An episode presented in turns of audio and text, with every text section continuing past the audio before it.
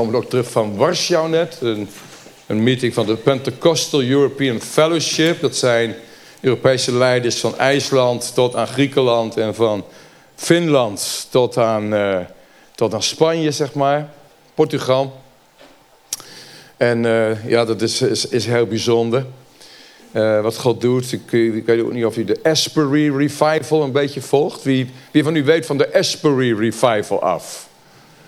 Ja, het is ook zo'n verheugend iets wat God aan het doen is. Het is inderdaad ver weg.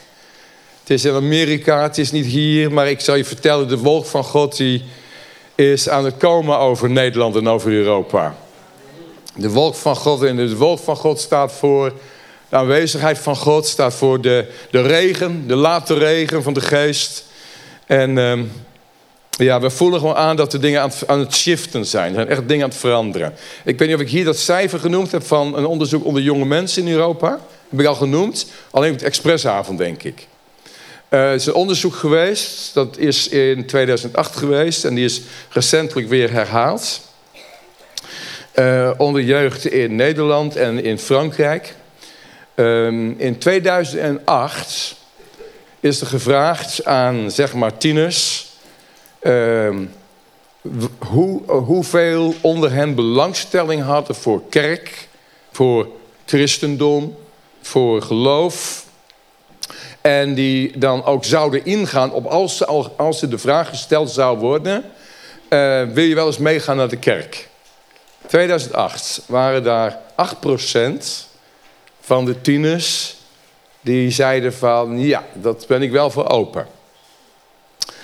In 2019, vlak voor de pandemie, is het onderzoek weer gedaan. Zelfde vragen, dezelfde leeftijdsgroep. En er zijn een aantal die weten het al. Ik heb het op de expressavond gedeeld, maar de meerderheid van u dus niet. Mag u gewoon even raden voor uzelf. Uh, hoeveel procent van de tieners, jonge mensen, geïnteresseerd, aangaf geïnteresseerd zou, uh, te zijn in kerk, christelijk geloof. En als er uitnodiging zou komen, wil je wel eens mee naar de kerk? Hoeveel zouden dan ja zeggen? Nou, even zo, wat denkt u? Hoeveel dat er zijn? Van 8% naar 7? 73 procent. 73 procent. Dat betekent dat er... Dat zijn nog geen mensen die voor Jezus gekozen hebben hoor. Het betekent wel dat er iets aan het veranderen is ten aanzien van het klimaat. Je zou bijna zeggen de tijdgeest. En dat merken we ook, dat merken we hier ook. Is wat, er is iets, iets aan, het, aan het veranderen. Dat hoort ook terug in, in, op de Europese conferentie. Er is iets aan het, uh, mooi Nederlands woord te gebruiken, aan het shiften. aan het veranderen. En dat is bijzonder hoopvol, bijzonder hoopvol. Um, wat er nu in Asbury gebeurt in, in Amerika, dat is bijzonder hoopvol. Het is nog steeds aan de andere kant van de plas. En we verheugen ons wel eens vaker over opwekken die God doet. Het is altijd goed om je te verheugen in de zegen van een ander. Toch? Ik hoor geen amen. Het is altijd goed om je te verheugen in de zegen van een ander. Zo is het. Echt, je echte geestelijke volwassenheid wordt bepaald door het feit hoe blij je kan zijn met de zegen van een ander. Daaruit blijkt je geestelijke volwassenheid. In elk geval, dat is een, een, een revival. Die, we hebben ook in, in, in, uh, in Warschau, afgelopen week hadden we dus in Warschau... mensen ontmoet, trouwens te midden van het voormalige Joodse ghetto. Gekke wereld. Splinternieuwe hotels. Ongelooflijk allemaal. In elk geval, we hebben ook dan mensen ontmoet die daar geweest zijn. En uh, het, wat heel mooi is, het kenmerk van deze revival... is dat het is totaal wordt niet geleid door podiumtijgers. Halleluja. En met podiumtijgers bedoel ik mensen van naam in onze wereld. Is, is niet belangrijk. Wordt geleid zelfs door, door jonge mensen. Door mensen tot 25 jaar. Die geven leiding aan deze revival. Die gekenmerkt wordt door heel veel rust. Geen opklopperij. Heel veel rust, maar een diepe aanwezigheid van God zo hoopvol. En er is zo'n overtuiging dat, uh, en dat proeft ook in Warschau weer, er is een enorm verschil over tussen Oost en West. Er was ook een Oekraïnse delegatie. We hebben ook Oekraïners vanmorgen in ons midden. Even een applaus voor de Oekraïners die vanmorgen in ons midden zijn. Slava Bogu. Uh, er is een enorm verschil gaande, maar het is, het is, ja, er is zoveel, zoveel hoop. Want God is trouw. God is trouw. God doet het niet omdat wij het verdienen. God doet het niet omdat wij zo super zijn. Ik denk dat er iets in God is, ook iets soevereins in God. Soever, kan u het woord soeverein? Beetje een kerkwoord. Soeverein betekent God bepaalt het zelf wel. dat betekent eigenlijk soeverein. God is niet, niet altijd afhankelijk van ons. God werkt wel samen met ons. God werkt onder andere samen met of je honger hebt of niet. Maar zelfs dat komt wel weer van God. God wil honger in ons hart geven. En toen maar even een vraag tussendoor. Zijn hier mensen met honger vanmorgen? Dit klinkt veel te matig. En u hoeft het niet, niet hard te schreeuwen hoor. Dat ik denk van, oh, honger, dat is opklopperij. Dat doen we niet meer aan. Maar het is wel van belang dat je voor jezelf weet... ik heb echt een verlangen naar de Heer Jezus. Ik heb echt een verlangen naar doorgaande ontmoeting met Hem. En, en, en, en eigenlijk mag je voor jezelf ook, ook weten... van als ik geen honger heb, dan moet er iets gebeuren. Iets van bekering, iets van toewijding, iets van het eerlijk zeggen tegen God... Maar waar was ik? Ik zou niet gaan preken. Um, een van de dingen die ik ook wel wil noemen is allemaal als introductie voor Yvonne. Want vannacht, ik, ik was onrustig in mijn slaap. En het was alsof de Heer zei, je gaat niet preken vandaag. Ik had een hele mooie preek klaar, maar die krijgt hij ooit nog wel eens. Maar we zouden het samen doen. Maar het was alsof de Heer zei van, nee, je moet alle ruimte geven aan Yvonne. Dus ik hou me heel beperkt. Eén ding wil ik nog noemen. Uh, want het gaat vanmorgen even een intermezzo over geestvervulde generaties. We hebben het gehad over fundamenten, maar hebben even een intermezzo vanmorgen gelinkt aan ons jaarthema. Geestvervulde generaties. En we hebben in deze kerk vier generaties. Wat een zegen. Wat een enorme zegen dat we jongeren en ouderen hebben en alle leeftijden daartussenin. Typisch God. Typisch de kerk tot het derde en vierde geslacht. Wat we vaak heel negatief vertalen. Maar dat betekent die generaties die nog invloed hebben op elkaar.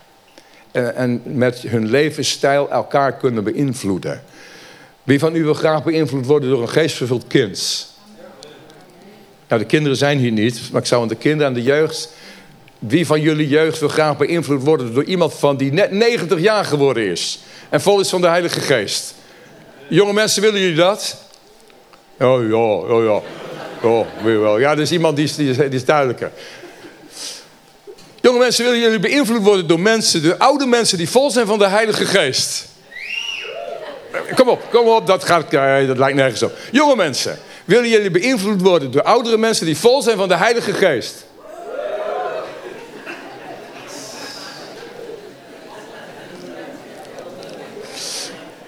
Geestvervulde generaties. Jonge mensen vol van de Heilige Geest. Vaders en moeders vol van de Heilige Geest. Opa's en oma's vol van de Heilige Geest. 90-jarigen vol van de Heilige Geest. Het land van, land van Canaan werd veroverd door een jonge generatie. Plus twee hele oude mannen. Jozua en Caleb. Halleluja. En de Heer Jezus werd aangekondigd door in elk geval twee hele oude mensen... die, hoe oud ze ook waren, vol van verwachting waren. Simeon en Anna. De Heer sprak, dat ga ik overgeven aan Yvonne. De Heer sprak ehm, tijdens een, mijn reis naar Peru. Ik weet niet eens of ik dat hier gedeeld heb. Maar mijn hart is er wel vol van. Als God tot je hart spreekt, gaat dat nooit meer weg. Laat me je één ding vertellen. Als het ontmoeting is van God, als de Heilige Geest gaat schrijven in je hart, gaat dat nooit meer weg. En zorg dat de Heilige Geest kan schrijven in je hart. Hoe doe je dat dan? Je hart te openen. Heer, spreek tot mijn hart. Heer, spreek spreek. Een van de dingen die daar gebeurde tijdens die reis, dat geef ik over aan Yvonne, heeft alles te maken met geestvervulde generaties. Waren uh, tegen het uh, regenwoud aan in, in Peru, in een kerkje in de binnenlanden. Nou, kerkje, dat bleek wel uh, bleek anders te zijn dan ik dacht. Dat we s morgens daar kwamen, zat een kerkzaal vol met 400 joelende, juichende kinderen. Leeftijdscategorie 4 tot 10 jaar. Geweldig. Die avond daarvoor Ehm, we waren met het team van Compassion daar. En tot dan toe was de modus, we gingen door projecten bezoeken... en dan gingen de Hollanders nog even voor ze bidden. Heer, wilt u het zegenen? Uh, maar we voelden van nee, dat is helemaal niet goed. Zij moeten voor ons bidden. En ja, dan gebeurt er wat. Zij gingen voor ons bidden. En, hmm, die gaan janken, Magiel. En dan als Jezus Christus zich openbaart. We hebben zo de openbaring van de Heer Jezus zelf nodig. Je leven verandert alleen maar door de openbaring van de Heer Jezus Christus door de Heilige Geest. Die dan het woord van God pakt. En iets doet in je hart wat je daarna nooit meer kwijtraakt. Wat de Heer die avond tot mij sprak. Dat was dat, zoals wij dat ook in deze kerk doen. Wij zijn heel erg blij met onze jeugd. En dat laat ook steeds weer merken. By the way, u mag het even laten merken. We zijn blij met onze jeugd. Amen. Halleluja. Maar de Heer zei, je staat een bushalte over. Want daar begint het niet. Het begint bij de kinderen. Bij dit spul hier. Dat spul met zijn handen in zijn zakken. En Jezus gaat met hem mee en de engelen van God gaan met hem mee. Want de engelen van God gaan nooit bij kinderen weg, zegt mijn Bijbel. En de Heer sprak in elk geval um, dat eh, sprak tot mijn hart. Het was voor mij, maar ook als leider. Weet u, ik had altijd iets van, oh kinderwerk, oh wat leuk, wat gaaf, wat fijn. En, oh, en de Heer sprak zo tot me, het heeft me zo overtuigd, zeg maar rustig van zonde. Want de Heer zei van, als je hun niet ontvangt, dan ontvang je mij niet. En de Heer zei, dit is een, een, een, een soort Laodicea waar je nog nooit bij hebt stilgestaan. Laodicea is een kerk waar Jezus niet meer in de samenkomst is. Omdat ze zo vol zijn van zichzelf. Dat is Laodicea. Hey kerel, welkom man. Van harte welkom. En, uh, en toen weer die vraag van die discipelen kwam, wie is het belangrijkste Heer? Altijd weer van die pikorde in de kerk. Leuk. Toen ging Jezus knielen, toen ging hij naar zo'n ventje daar. Zei hij van, kom eens. Hé, hey, kom eens trouwens. Nee, hoeft niet hoor. Hoeft niet hoor. Maar toen kwam zo'n ventje, zo'n kereltje kwam. En toen zei Jezus, jongens, allemaal even opletten. Dit zijn de belangrijkste in het koninkrijk van God. Hetzelfde zei hij overigens, bijna hetzelfde. Toen er gevraagd werd weer eens een keer, wie is er het belangrijkste Heer? Toen zei Jezus, antwoordde hij anders. Maar degene die allerdienaar zijn. Die zijn de belangrijkste in het koninkrijk. Dat betekent dus niet altijd de hotshots op het podium. Of de namen. Maar ook hier weer de hemel is anders. En ik denk dat het ook zo belangrijk is, ook strategisch, laten we dat woord maar gebruiken. Gedeeld met de leiding van City Light Alma en de Ark Lange Dijk. En we hopen in het najaar een gezamenlijke conferentie te hebben over gezinnen. Want dat kwam bij hun ook zo binnen. Ze zijn hetzelfde bezig, zeggen ze. De Heilige Geest zet ook dingen op de agenda. En gezinnen dan ook in de bredere zin van het woord. Want ook dit is gezin van God. Nou, geestvervulde generaties. Yvonne wil iets, gaat iets delen. De heeft tot haar hart gesproken. Yvonne, je neemt het over. Maar niet nadat ik Marcus 5 heb gelezen. Misschien wilt u met mij opstaan, Marcus 5.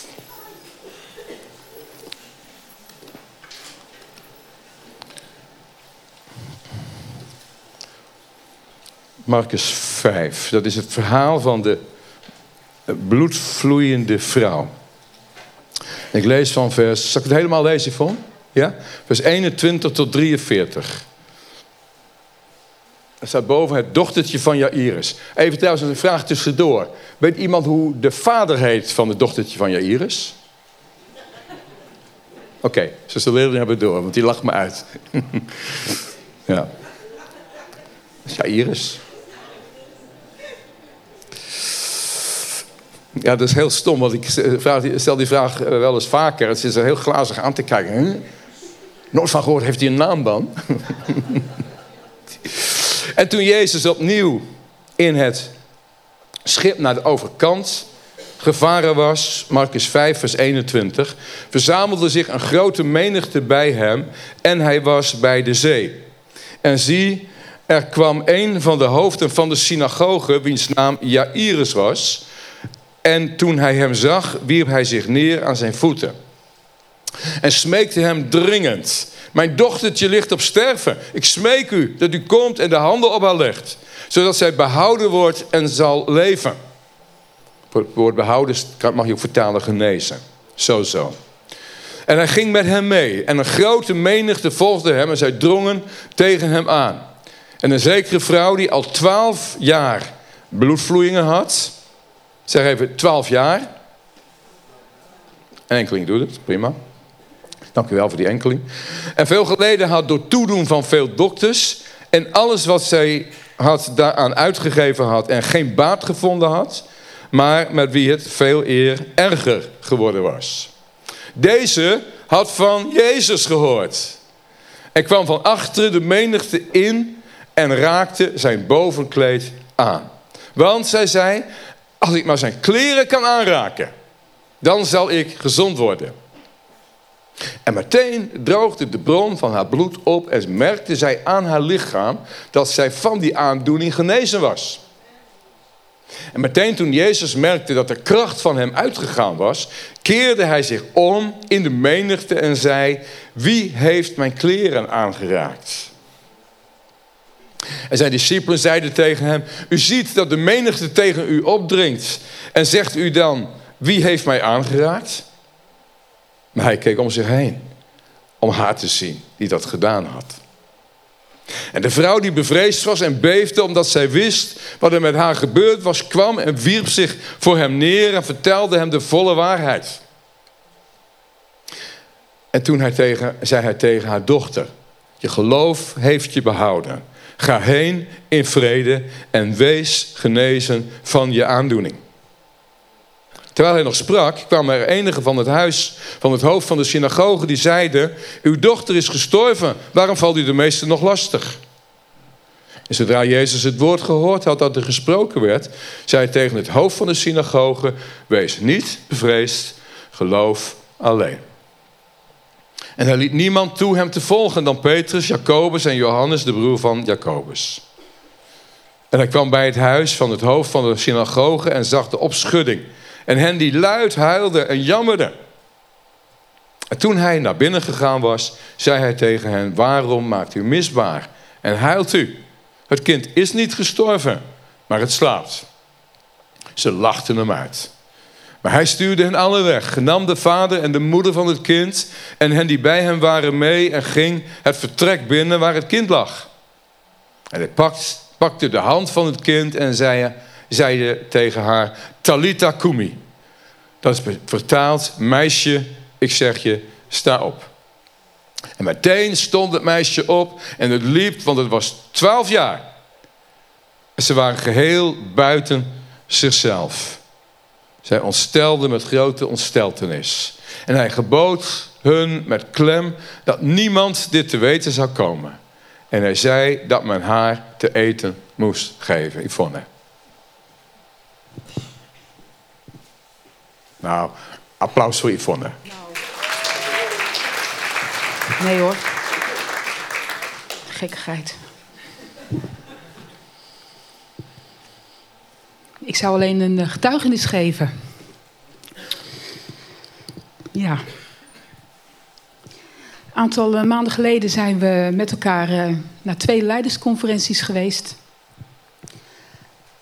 En het was indrukwekkend was zeer onder de indruk van mannen, vrouwen waar God tegen gesproken had. Of die een droom hadden ontvangen. En die dwars door alles heen, door teleurstellingen, door jaren van wachten, het, het vasthielden en gingen. En vanuit zag je een grote zegen van God zelf. Ik vind dat geweldig om uh, mensen te ontmoeten, om elkaar te ontmoeten en te horen van de grote dingen die God doet. En de eerste conferentie, Brian was ook mee, Passenes, met een aantal van de gemeente erheen. Waar een aantal getuigenissen en dat werd getoond op de beamer. En op een gegeven moment was er een man en een vrouw. En die riepen, je hebt een stem. Je hebt een stem en dat, dat klonk echt zo. Je hebt een stem, je hebt een stem. En denk je dat je niet gehoord wordt, dan ga je op een krat staan, want je hebt een stem. Ik dacht, oh gaaf, heer, u, u weet het. U weet hoe ik met dingen worstel.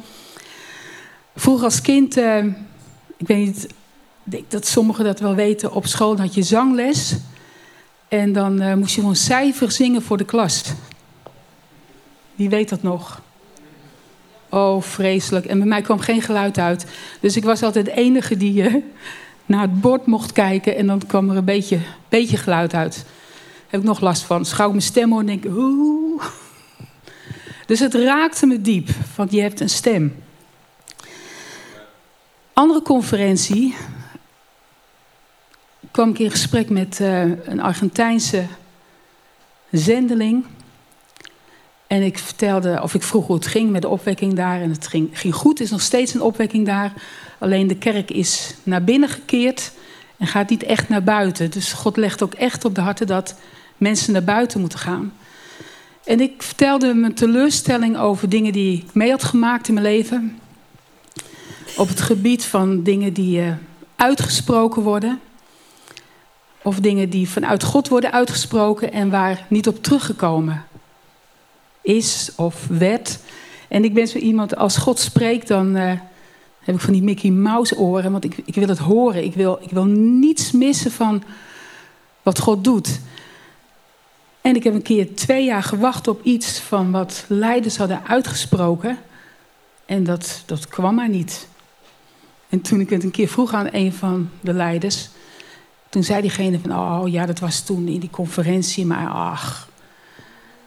Dus ik, ik was echt teleurgesteld in deze dingen, omdat wij een voorbeeld zijn voor elkaar, maar ook voor de generatie na ons. En als wij spreken vanuit God, dan moet het betrouwbaar zijn. En dan moeten ze ook in ons leven kunnen zien dat we te vertrouwen zijn. En toen zei die lieve broeder, voordat Heer Jezus bij dochtertje van je Iris kwam, raakte de bloedvloeiende vrouw hem aan. En toen zei die ander, uh, je hebt je prediking gehad voor vandaag. Dat moet je prediken zondag. Nou, dat was een tijdje terug. Ik kan niet zomaar zeggen, ik ga prediken. Wel getuigenis. En ik zei, heb je zelf wel eens dit gehoord van hem? Nee, nee, eigenlijk niet.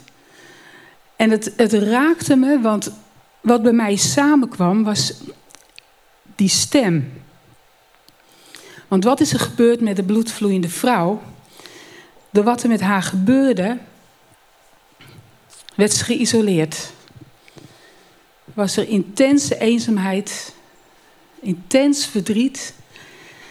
Er was schaamte. Ze was echt verstoten. En ze werd niet gezien en niet gehoord. En bij mij gebeurde er zoveel van binnen. Want ik, nou, velen van mij weten dat van mij. Ik heb zo vaak gezegd: als ik iets zeg, het lijkt wel te verdampen. Of als ik iets wil zeggen, dan. Nou, mensen praten er overheen. Of um, iemand naar me toe komt, je kan beter je mond houden, want we begrijpen helemaal niets van wat je zegt. Of je gaat van Piet, kunnen wij elkaar de hand geven? We gaan van A naar Z. En wij snappen zo waar we het over hebben. Maar we kunnen beter ons mond houden. Hè? Ja, hij knikt ja. Maar dat gaat heel diep. Wat er gebeurt is dat die, dat dualisme in je, dat je zo weet dat, dat God door je heen spreekt.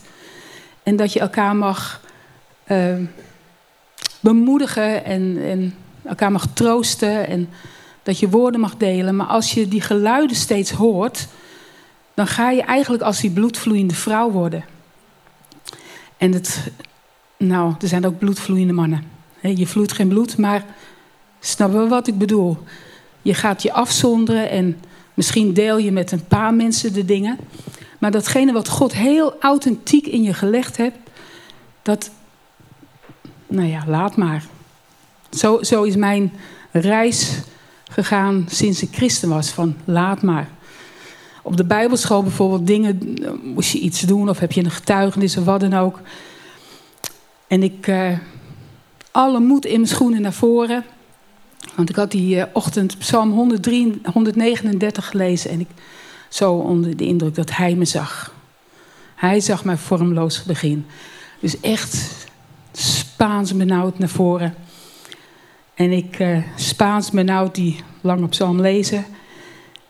En die lieve leraar zei, overnieuw, je hebt het niet goed gelezen. Ik moest drie keer die psalm lezen. Heel bemoedigend om uit te stappen. Eerste keer zangdienst. Zo'n houten ding. Nou, dan moest je de maat aan geven. En ik stond, uh, zo stond ik de maat aan te geven. En toen zei de leraar, nooit zo de maat aan geven. En dan sta je daar van oké, oké. Dus ik, ik ben niet erg in mijn leven bemoedigd om uit te stappen. Ik doe het wel omdat ik uh, gewoon ja, de dingen van God wil delen en, en mijn hart wil delen in die dingen. Maar dit raakte me heel erg diep. En ik, uh, ik ontving daardoor echt een stuk genezing. Want ik me realiseerde, en dat geldt voor alle generaties, dat je bloedvloeiend kunt zijn. En dan moet je eigenlijk die woorden eraan plakken dat je, je bent bloedvloeiend omdat je teleurgesteld bent. Je bent niet gezien, niet gehoord. Je bent in isolatie gegaan. Je, je hebt je laten wegstoppen. Uh, je hebt je woorden laten inslikken. Schaamte door de dingen die gebeurd zijn. Waardoor je iets had van, nou, ik, ik ga dit echt niet meer doen. Ik ga echt niet meer uitstappen, want... Dus die woorden moet je eigenlijk aan die bloedvloeiende vrouw plakken. En dan zegt God tegen ons allemaal, je hebt een stem. En die stem moet dwars door dat geluid van die teleurstelling, die eenzaamheid, die isolatie. Woorden die tot je gesproken zijn, negatieve woorden die gesproken zijn, uh, teleurstellingen. Je stem moet dwars door dat geluid, door die geluiden heen gehoord worden. En je mist zo ontzettend veel. Piet, als jij niet uitstapt en je stem niet laat horen, gaat zoveel verloren van de rijkdom die God geeft. Mag niet verloren gaan, want je hebt een stem. Ik zeg al tegen Michiel, als Michiel dan probeert uit te leggen wat ik bedoel, dan zeg ik nou, dan vraagt ze nog maar twee of drie keer wat ik bedoel. Het geldt ook voor jou, Piet, dat mensen je niet begrijpen of niet verstaan. Vraag maar door, kom maar tot die kern van wat God wil zeggen en de wijsheid, de kennis die God wil doorgeven. Wat er gebeurt met de bloedvloeiende vrouw, je moet, je moet je voorstellen, en ik denk als je in je eigen leven kijkt naar teleurstellingen of pijn, of, maar ja, laten de anderen het maar doen, of ik ben toch niet zo goed. Als je daar voor jezelf even stil bij staat en dan op een gegeven moment de diepte daarvan gaat voelen, gaat ervaren en dat dan Gods geest daar doorheen breekt. En je zo aandringt om Jezus aan te geraken. Dwars door al die geluiden heen. Dwars door die menigte, dwars door die gezichten die dingen hebben uitgesproken. Dwars door de houdingen die je hè, misschien hebben, keuzes hebben laten maken waar je achter stond of wat dan ook. Als je daar dwars doorheen gaat, dan wil je Jezus aanraken. En dan gaat Gods geest zo van binnenin je oprichten om Hem aan te raken. En dan laat je niet meer roven van alle aanklevingen die, je, ja, die er zijn ontstaan in je leven. Voor mij is dat genezing geworden. En ik zei, ik ga, nu moest ik het wel zeggen natuurlijk, omdat ik uh, ervan getuig. Ik ga niet meer zeggen dat mijn woorden verdampen, of dat ik niet gehoord word, of dat ze me niet snappen. En dat mijn naam voor de zoveelste keer niet in de mail staat. Of, uh, oh Yvonne, oh ja Yvonne, oh ja, ja, ja Yvonne. Ik zei laatst makkelijke naam Yvonne, maar ja, hè. Ga het niet meer doen. En dan kom je in Polen, aangemeld, geen kaartje voor Yvonne. Oh, nou, verrassend. Verrassend. Maar het raakte me niet. Het raakte me niet. Omdat ik zo van binnen ervaren heb dat. Wat is het een, een misleiding dat door die teleurstelling, alles wat in je leven gebeurt, dat je als een bloedvloeiende vrouw wordt, dat je maar, oké, laat maar, laat maar, laat maar. En af duwt Gods geest je naar voren en dan, oké, ik doe het, maar over het algemeen ga je je terugtrekken. Je spreekt er niet over, je deelt het niet meer, want het wordt zo'n deel van jezelf. Totdat Gods geest zegt van mij, je hebt een stem, want ik ben je stem in je. En dan breek je daar doorheen en dan ga je Jezus aanraken. En dat is niet omdat er een, een oproep is of omdat je een fijn gevoel hebt, maar dat is iets wat van binnen gebeurt. Omdat je ziet, wat is het een misleiding geweest dat dat mijn leven is geworden. En je gaat Jezus aanraken en dan staat er van de bloedvloeiende vrouw terstond. Terstond droogt het op en terstond werd ze genezen. En dan vertelt ze hem de hele waarheid. Alles wat er met haar leven is gebeurd. En ze is vrij. En deze, deze zendeling uit Argentinië die zei... En die generatie moet de volgende generatie voeden. En als bloedvloeiende generatie niet genezen is, maakt niet uit wat voor leeftijd, hè? Want ook als je jong bent en je maakt dingen mee, lieve jonge mensen boven, als je dingen hebt meegemaakt, ik heb het tegen jullie, als je dingen hebt meegemaakt die je gewoon heel veel pijn hebben gedaan, die je onzeker hebben gemaakt, dan kun je ook Net als ons, dat je je terug gaat trekken of, nou ja, laat maar. Of je kiest verkeerde vrienden, of wij kiezen verkeerde mensen om ons heen. Dus in elke generatie vindt dit plaats. En als je daarin niet door dat geluid heen gaat breken, dan kun je elkaar niet voeden. Want als je elkaar voedt, dan is het vanuit pijn, is het vanuit frustratie, is het, nou ja, vul maar in. En dat is intens, intens verdrietig. En daardoor zie je ook dat we niet echt doorbreken. Dat we niet echt in de volheid van de Heilige Geest kunnen wandelen. Er was daar een voorbeeld. Jij zou het voorbeeld nog noemen. Ik had eigenlijk een, een leeg flesje mee moeten nemen. En in Polen zei een uh, zuster of een broeder, ik weet niet meer. Nee, hij is vol hoor. Maar die zei, als je leeg bent, dan nou is hij een beetje vol, dus dat gaat niet helemaal op. Maar dan kun je dat helemaal kapot maken. Maar ben je vol van de geest, dan, dan gaat het niet. Je kan, ik denk een broeder, die zei, je kan het zelfs op de grond gooien en je kunt erop gaan staan. Maar het gaat niet stuk, omdat je vol bent van de geest. En wat raakt dat je, want dan, dan snap je het ook van, je kunt het niet uit jezelf. Je kunt het gewoon niet uit jezelf. Ook niet als mensen je bemoedigen of ah, doe maar wel of stap maar uit. Het moet een innerlijke genezing zijn van oké, Heer, dwars door het geluid van alles heb ik een stem en mag ik gaan voeden. En wie je gaat voeden, dat is per dag. Die je tegenkomt. Die je tegenkomt in je gezin of, of waar dan ook. Mag je gaan voeden. Ja, dit was het eigenlijk. Dit wil ik eigenlijk delen.